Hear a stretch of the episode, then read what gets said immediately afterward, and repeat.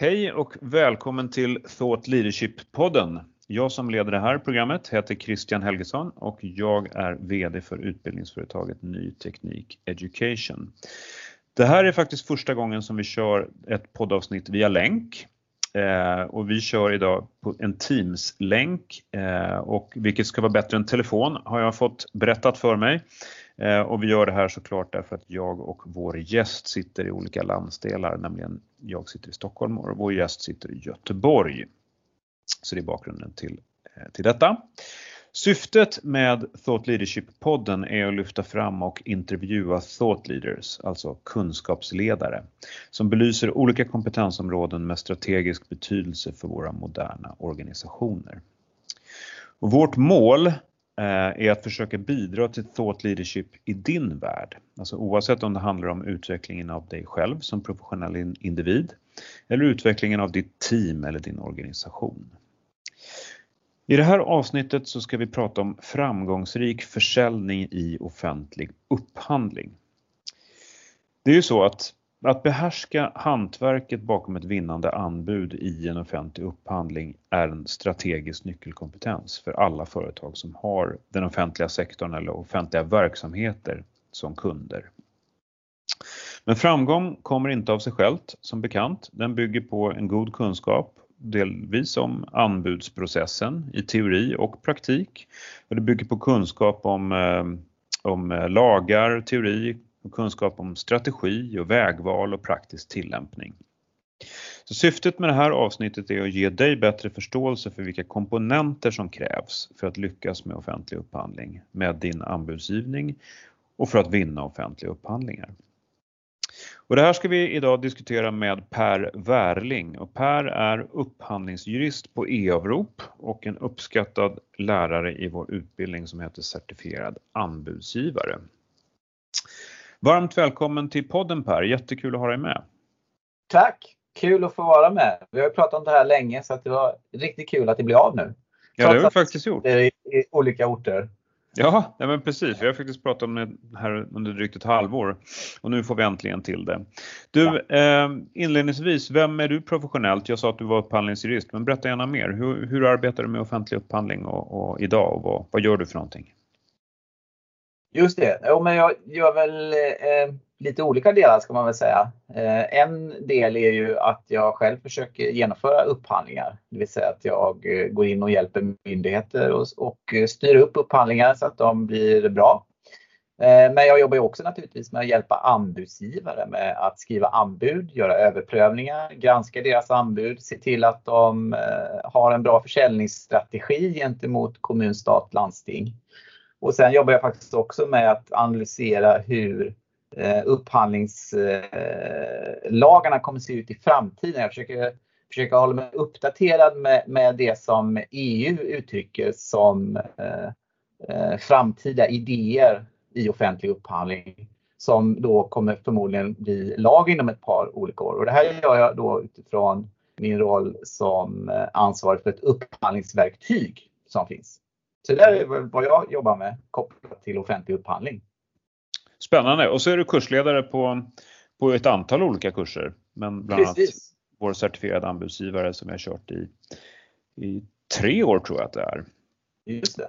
Du, om man tittar på, på området offentlig upphandling, det, det är, det är liksom, i grund och botten så ligger det i lagstiftning och sånt här. Finns det något nytt inom det här området nu? Finns det några intressanta nyheter som våra lyssnare borde vara uppmärksamma på?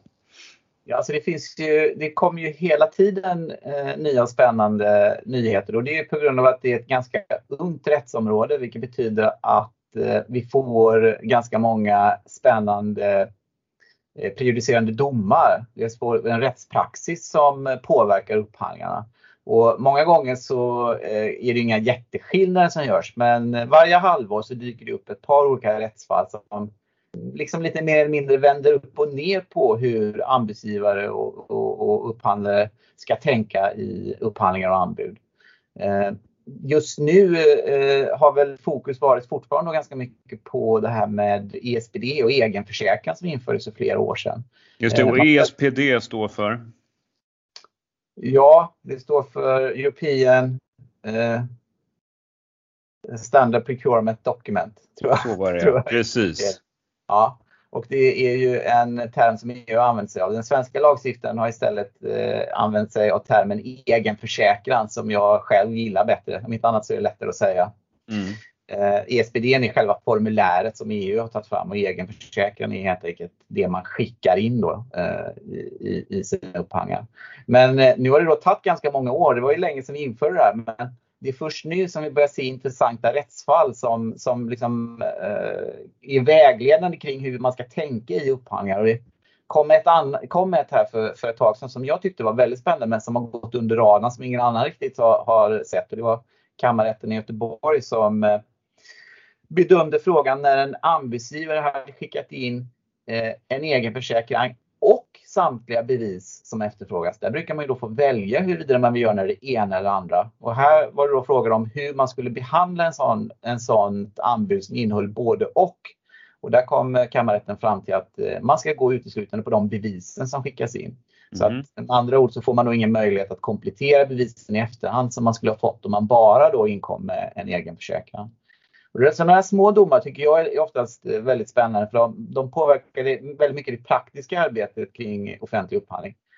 Eh, och det, den, den tyckte jag om då, men eh, vi har ju hela tiden då också även en utveckling i lagen, vilket eh, betyder att vi får tillägg i lagstiftningen kanske en gång varannat år varje år. Och senast som infördes vid eh, årsskiftet i år var ju att vi fick en statistiklag kopplat till offentlig upphandling vilket gör att, att man ska ange fler uppgifter i annonser och liknande. Men det här har ju mindre praktisk påverkan för anbudsgivaren som sitter där och skriver sina anbud och det har ju väldigt lite påverkan på försäljning till kommun, stat, landsting. Mm. Och det var ju ändå det vi skulle fokusera. Så där kanske det inte händer så oerhört mycket sett till, till rättspraxis och liknande. Men ESPD som du tog upp här, förvisso en, en, en gammal, eh, eller inte helt ny eh, eh, del, men, men det är ändå, finns ändå upp, företag upplever ändå att det finns utmaningar kring det här om jag förstått det rätt. Absolut, och det är inte bara företagen som gör det utan även, även de upphandlande myndigheterna gör det. Och, eh, eh det finns fortfarande upphandlingar som annonseras ut av myndigheter där, där det är bedrövligt, det vill säga att de själva har inte förstått hur det här regelverket fungerar och då blir det ju omöjligt för en leverantör att försöka förstå hur man ska agera i upphandlingen. Så här mm. finns det en stor kunskapsbrist. Eh, här kan man bara uppmana både leverantörer och upphandlare att försöka utbilda sig kring, kring ESPD och egenförsäkran. Och vad, är det, och vad är det som är svårt egentligen i den här egenförsäkran? Jag tror, jag tror, att det som de flesta har svårt är att förstå hur hela systemet, vad det, vad det har för funktion överhuvudtaget. Eh, och tanken var ju då från EU att det här skulle vara förenklande för både myndigheten och anbudsgivaren. Men det är inte lätt att se var i den här förenklingen ligger med, med SPD-förordningen. Så många uppfattar det istället som att det har blivit svårare att hantera detta. Och det har mm. lett till att det här valet som svenska anbudsgivare har att antingen då inkomma med en egen försäkran eller istället inkomma med samtliga bevis. Det har resulterat i att eh, de flesta leverantörer skickar in både en egen försäkran och samtliga bevis. Så mm. den, här, den här förenklade delen har snarare blivit en för, försvårande del. Eh, så att eh, här behöver vi mer utbildning tror jag. Förutom att det är en försvårande del, får det några andra konsekvenser i själva upphandlingen eller i anbudsprocessen att man har lämnat in båda två? Nej, det skulle ju vara det, skulle ju vara det där som, som eh, uppkom i fallet från kammarrätten i Göteborg då att en, en leverantör eh, trodde eventuellt att de skulle få komplettera i efterhand med bevisen eftersom de hade både skickat in sin ESPD och, eh, och eh, samtliga bevis. Men då visade det sig att nej, här ska vi gå på bevisen först och främst. Det kan ju få en negativ konsekvens för, för en leverantör som inte fattar att det fungerar på det sättet. Mm. Så det enda man kan säga är att skickar du in dina bevis så är det ju fullkomligt överflödigt att skicka in en egenförsäkran. Det är, det är bara dumheter att göra det. Så väljer du att inkomma med bevisen ska du definitivt inte skicka någon egenförsäkran. Nej, okay.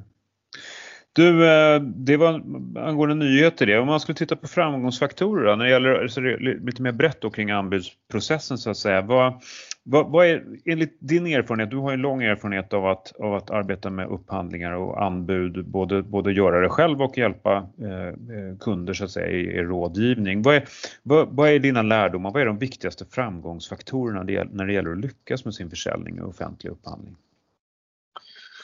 Ja, alltså jag skulle säga att eh, man måste försöka sätta sig in i motpartens förutsättningar. Jag kan se många anbudsgivare som skriver anbud där de bara pratar om jag, jag, jag eller vi, vi, vi, vi är duktiga, vi är duktiga, vi är duktiga och inte ett enda ord om de förutsättningar och problem som eventuellt eh, motparten står inför, det vill säga anbuds, eh, förlåt, upphandlaren.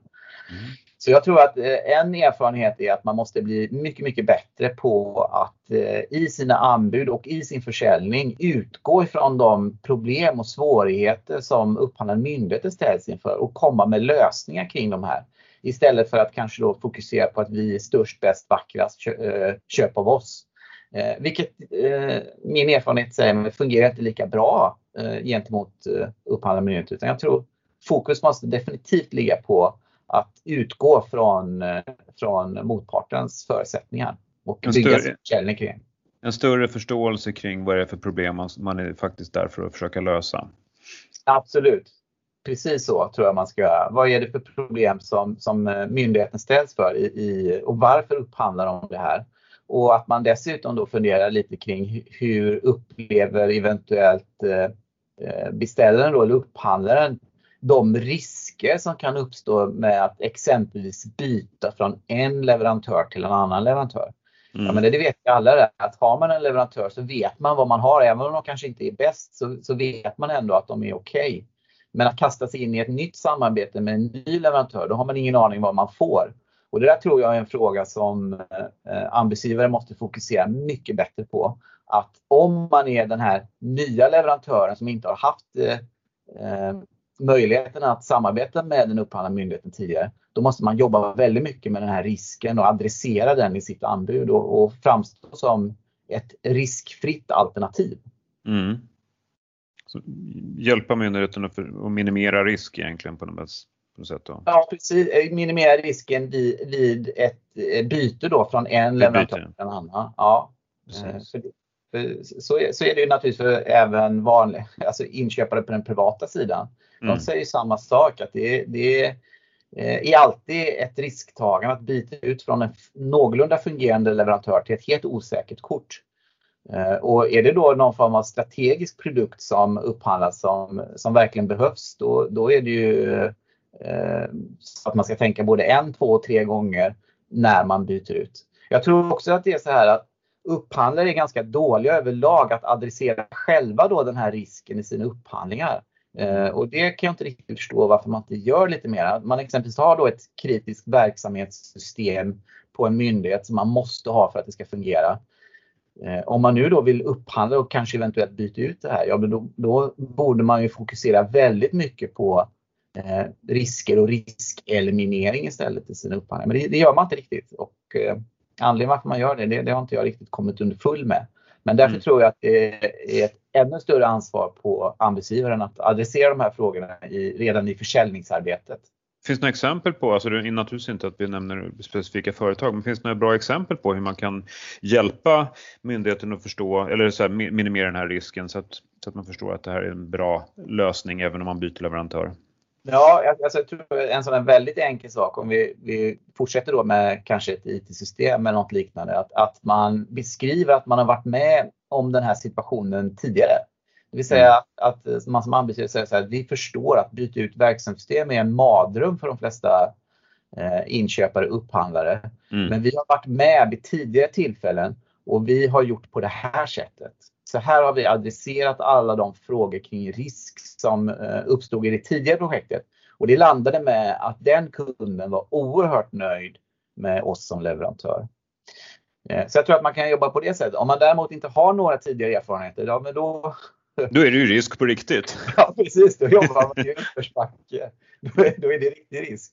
Ja. Och hur man gör där, det, det, är lite svårare naturligtvis och där kanske man inte ska adressera risken lika mycket naturligtvis. Nej. Men har man, har man då några offentliga kunder i dagsläget så, så kan man alltid använda sig av dem som referenser för, för att på något sätt trygga, trygga upphandlaren att det finns andra som har köpt våra system och de är jätteglada och, och, och sådär. Mm. Vad finns det fler för framgångsfaktorer som du vill lyfta fram? Jag tror att man, en sak som eh, de flesta är relativt bra på men, men som man inte kan nämna tillräckligt många gånger det är att man måste tala upphandlarens språk. Eh, det är uppenbart att eh, om man nu jobbar med försäljning och man kanske gör det mot privat sida och så ska man jobba med försäljning gentemot offentliga myndigheter eller offentlig sida. Mm då är det väldigt svårt att bara ta det språket som man har gentemot den privata marknaden och flytta över till den offentliga sidan. För det här är två helt skilda saker. Här måste man helt enkelt se till att använda sig av rätt termer, trycka på rätt saker. För en myndighet behöver inte frågan kring att man eh, tjänar pengar eller, eller effektivisera jättemycket. Eh, sådana saker kanske inte är lika viktigt för en politiskt styrd organisation som en myndighet är. Som exempelvis att man kan säga att, eh, att man kan hjälpa till att uppnå de miljömål som myndigheten har satt. Mm. Så jag tror att man måste tala ett annat språk. Eh, både i sitt aktiva försäljningsarbete men också i sitt anbud. Använda sig av rätt termer. Eh, tala det språk som, som, som myndigheten vill. Det tror jag är en framgångsfaktor. Mm. Andra saker skulle då kunna vara att man fokuserar då på, på målsättningar som, eh, som upphandlaren har. Eh, det här jag sa tidigare då om att eh, en myndighet har ju någonstans vissa politiska målsättningar som man ställer upp. Det kan handla om att man vill att fler inom kommunen ska få arbete. Det kan vara att man har satt upp vissa miljömål. Eh, om man då som leverantör har en möjlighet att hjälpa en kommun eller en region eller en statlig myndighet att uppfylla de här målsättningarna då ska man naturligtvis inte vara försiktig med att säga det i mötena. Exempelvis Eh, om vi får avtal hos er så har vi en jättebra eh, policy om att ta emot eh, långtidsarbetslösa som får en möjlighet att testa på jobba i vårt företag. Har man då den typen av idéer då är det någonting som jag tror fungerar väldigt bra för att eh, visa att man är ett väldigt bra alternativ för myndigheten. Mm. Jag tror också uh, att man ska använda då någon form av, av case-metodik, det vill säga att man, man visar på tidigare genomförda upphandlingar. Uh, upphandlare är precis som alla andra människor någon form av flockdjur, man springer lite åt samma håll. Mm. Vilket betyder att kan man visa då på att en förhållandevis stor kanske och uh, inflytelserik myndighet har köpt dina produkter, då finns det en stor sannolikhet att det väger tyngt eller tungt för, för myndigheten i sitt val. Det vill säga kan jag prata, säga då att eh, Malmö stad har köpt det här. Det är klart att det väger väldigt tungt för, för Trelleborg och kanske andra eh, kommuner nere, nere, i Skåne. Ja. Använder man sig då av rätt referens så tror jag att det är en nyckel in till att eh, sälja mer. Sen Eh, måste jag lyfta då det här med att konfrontera riskerna. Att man i sitt anbud, i sin, eh, i sin eh, kommunikation med myndigheten, sin försäljning, att man adresserar de här riskerna som finns. Att man eh, pekar och trycker på, på att man har gjort analyser i förväg, att man vet vad som kan gå fel men att man redan har åtgärdsprogram om det skulle gå fel i, i en upphandling och ett skifte av leverantör. Mm. Och det ska då kombineras med, får vi komma ihåg Christian, kombineras med, med att vi visar förståelse för upphandlarens förutsättningar. Där tror jag har punkter för att eh, lyckas med lite, lite, lite, sammanfattningsvis så skulle man kunna säga kundinsikt, att förstå vad, vad upphandlingen syftar till och vad det är för problem vi ska lösa. Mm. Vi vill minimera risk för upphandlarens, eller åtminstone känslan av, av vid upphandlingen att om det till exempel är byte av en leverantör, att man ger att man skapar en trygghet för upphandlaren eh, vid det här leverantörsbytet är en viktig fråga. Det är viktigt att tala upphandlarens språk eh, med rätt termer och så vidare. Sen ska man fokusera på upphandlarens målsättningar, eh, även ur ett mer politiskt perspektiv, inte bara vad vi för problem vi ska lösa utan också om det finns till exempel miljömål eller eh, eh hållbarhetsmål eller vad det nu kan vara. Så att man lyfter fram det här. Och sen så referera till till tidigare upphandlingar ifall man har varit med på någonting som man kan använda som, som referent helt enkelt och visa på att man har kunnat leverera tidigare. Och sen så även konfrontera risker och adressera risker, att man visar på att man vet vad som kan gå fel i en upphandling. Var det en bra sammanfattning? Det var ju så bra så att jag kommer använda den i framtiden här på, i våra utbildningar. Ja, det exakt det. Nej, men det var fantastiskt bra. Exakt det. Du Per, du jobbar ju som rådgivare och konsult också eh, eh, och du ser naturligtvis i den rollen väldigt många anbud eh, och, och du, du, träffar många företag som arbetar på olika sätt när det gäller försäljning till offentlig sektor eller i offentliga upphandlingar. Vilka, vilka utmaningar eller problem ser du generellt idag med företags sätt att arbeta med anbud eller försäljning i offentliga upphandlingar? Ja, det jag skulle säga att det finns ju två stycken eh, återkommande problem som finns hos de flesta organisationer som jobbar med försäljning och med offentlig upphandling överlag. Och det är bristande kunskap och bristande resurser. Mm. Den bristande kunskapen består många gånger i att eh, någon eller några på, på, eh, i organisationen inte känner till offentlig upphandling tillräckligt väl och att det sen färgar av sig kring de beslut som man tar eh, i hur man vill jobba med upphandling eller hur man kommunicerar eller hur man säljer. Och, eh, eh det är inte så att alla har de här problemen, men många har det. Därför tror jag att man, man behöver söka kunskap naturligtvis och eh, man behöver ta hjälp. Eh, sen behöver man kanske inte ta hjälp hela tiden utan ta hjälp vid de första tillfällena och så sen försöka lösa det på egen hand. Det brukar vara en, en bra strategi.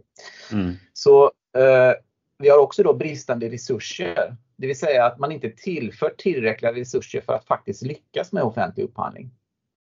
Men det kan också vara ett eh, problem och det är ju att man försöker fokus man springer liksom på alla bollar som finns. Det är ett klassiskt problem mm. i, i offentlig upphandling. Att en, en leverantör försöker svara på alla upphandlingar som finns kring deras vara, eh, tjänst. Och jag tror att man ibland, om man inte då har tillräckliga resurser, måste fokusera på nyckelkunder istället. Det vill säga att man väljer ut att den kommunen, den regionen, den myndigheten vill vi gärna se som kunder. Så när deras upphandlingar kommer så mm. fokuserar mm. vi på dem. Och en del måste man då kunna välja bort och säga att här svarar vi inte överhuvudtaget för det här är inte någon av våra nyckelkunder. Mm. Och på det sättet så får man istället mer resurser på att fokusera på de affärer som man verkligen tror på. Istället för att springa på alla bollar och att det blir ganska dålig och pannkaka av allting. Så det, det tror jag är ett problem. Så nyckel, en nyckelfråga i strategin är fokus helt enkelt? Fokus är viktigt, att fokusera, att ha en plan. Eh, för hur man ska genomföra det här med, med offentlig upphandling. Många gånger kan jag se företag som i princip bara släpper detta. Det, Okej, okay, offentlig upphandling är ju nice och det är bra att vinna men vi, vi genomför liksom ingen aktiv försäljningsarbete utan det enda vi gör i princip det är, det är att vi lämnar anbud och vi lämnar anbud på allting och det finns inga, ingen målsättning med hur många, hur många upphandlingar man ska vinna eller någonting. Eh, och det där är ett problem tror jag, utan man måste naturligtvis jobba strategiskt taktiskt med offentlig upphandling precis som man gör på, på andra eh, marknader. Man måste helt enkelt ha planer för hur man ska göra detta. Mm. Och här kommer då ytterligare ett problem och det är att det är oftast en dålig styrning kring offentlig upphandling. Du kan ha bolag som har miljardomsättning och när man tittar på hur de agerar mot privat sida så är de hyperprofessionella. Men när det kommer till offentlig upphandling så är egentligen enda styrbeslutet att svara på upphandling och vinna så många som möjligt. Mm. That's it. Eh, och där tror jag att det också bygger på att de personer som sitter i bolagets ledningar och liknande inte har tillräckligt med kompetens för att kunna göra en bra styrning, en bra målsättning. Utan man tänker sig att det eventuellt ska komma underifrån. Men det är ju väldigt svårt att man har ett bolag som delvis då de flesta beslut kommer ovanifrån men att man också då förväntar sig att de som jobbar på golvet så att säga och som faktiskt eh, kanske svarar på upphandlingarna ska på något sätt komma på med idéer som man föreslår uppåt utan jag tror att det, det, krävs mer kunskap uppifrån och att, att man organiserar detta med en rimlig målsättning. Vi vill exempelvis vinna så här mycket av alla upphandlingar som finns och att man till den målsättningen tillför tillräckliga resurser. Mm. Så har vi en anställd, ja men då kanske vi inte kan vinna alla upphandlingar i Sverige. Då kanske vi behöver tre anställda eller fyra anställda. Mm. Och det där måste man naturligtvis balansera och, och det där kan jag se som ett problem. Så att en mer strukturerad process kring det här, tydligare strategi, mer kunskap och, och koppla det till, alltså, rättare sagt, koppla det till resurser också så att ha, strategi, kunskap och resurser hänger ihop. Ja, exakt. Får man det på plats då är det enkelt att lyckas tror jag. Ja.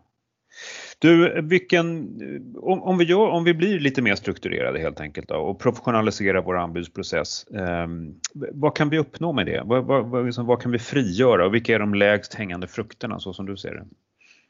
Alltså det vi kan frigöra det, det är ju att det blir enklare att vinna upphandlingar. Eh, en av grunderna för det här samtalet är ju att man på något sätt tror att försäljning gentemot myndigheter på något sätt lönar sig på ett sätt så kan ju många uppfatta det som någon slags motsättning i med varför vi har upphandlingsreglerna. Som i princip säger då att alla leverantörer ska behandlas lika och ha samma möjligheter att vinna upphandlingarna. Eh, det rimmar ju illa då med att man, man samtidigt säger men att eh, sälja och skapa Eh, goda relationer med myndigheterna verkar kunna påverkas så att du får större möjlighet att vinna. Eh, erfarenheten säger ju att det just är på det sättet. Att de här goda relationerna på något sätt skapar bättre förutsättningar. Och jag skulle nästan kunna säga så här att det har lite med de där riskerna att göra. Om du har en god relation med någon, förvisso kanske aldrig köpt ens produkter, men att du har ett förtroende för en, en person som är en företrädare för det här bolaget. Så tror jag att du tenderar till att tänka dig att det är mindre risk i att byta till det här företaget. Så eh, jag tror på, på att man som arbetsgivare måste fokusera på att överhuvudtaget att bedriva någon form av försäljning naturligtvis och på det sättet underlätta för, för, för att delta i upphandling. Det, det där är väl på ett sätt kanske en lågt hängande frukt men problemet med offentlig upphandling är att det är så oerhört långa och långsamma processer. Så allting tar tid. Så på det sättet så kanske ingen frukt hänger vidare lågt utan man får vara ganska ihärdig mm. för att eh, nå framgång. Och att man, där kan nog ett tips komma att man inte ger upp även om man då satsar men märker att det första halvåret så får man ingen skillnad på det. Och det är nog för att ett halvår räcker inte till. Man behöver jobba liksom professionellt helt ut i fingertopparna i ett år och då kanske man får en förändring Eh, i hur, hur, stor framgång man har med, i sin upphandling. Mm. Du sammanfattningsvis, eh, om man skulle sammanfatta ditt, eh, din, eh, den, den här podd, det här poddavsnittet i dina topp tre tips för företag som vill bli mer professionella i sin anbudsprocess och, och öka sina möjligheter att vinna offentliga upphandlingar. Vilka topp tre tips skulle det vara då? Alltså jag tror att det måste börja uppifrån, det vill säga att man får en bra styrning och en bra målsättning rakt igenom hela organisationen och att man följer upp den här målsättningen. Det tror jag är, är viktigt. Jag mm. tror att försäljning är någonting som lönar sig. Att jobba med försäljning gentemot eh, myndigheter lönar sig. Eh, och jag tror definitivt då på att man eh, ska, ska fokusera då väldigt mycket och vara lyhörd hela tiden mot vad upphandlaren är ute efter. Vilken, vilka problem de ställs inför. Hur mm. man kan hjälpa dem. Inte bara som vi pratade om då tidigare med att lösa de eventuella problemen med att få en leverantör. Utan att den här leverantören också kanske kan vara en del i att uppnå de miljömål som den upphandlande myndigheten har ställt upp. Det tror jag är bra tips. Det låter som väldigt bra tips. Stort tack Per för din medverkan i den här podden. Tack Christian. Och stort tack för att ni lyssnade. Hej då! Hej då!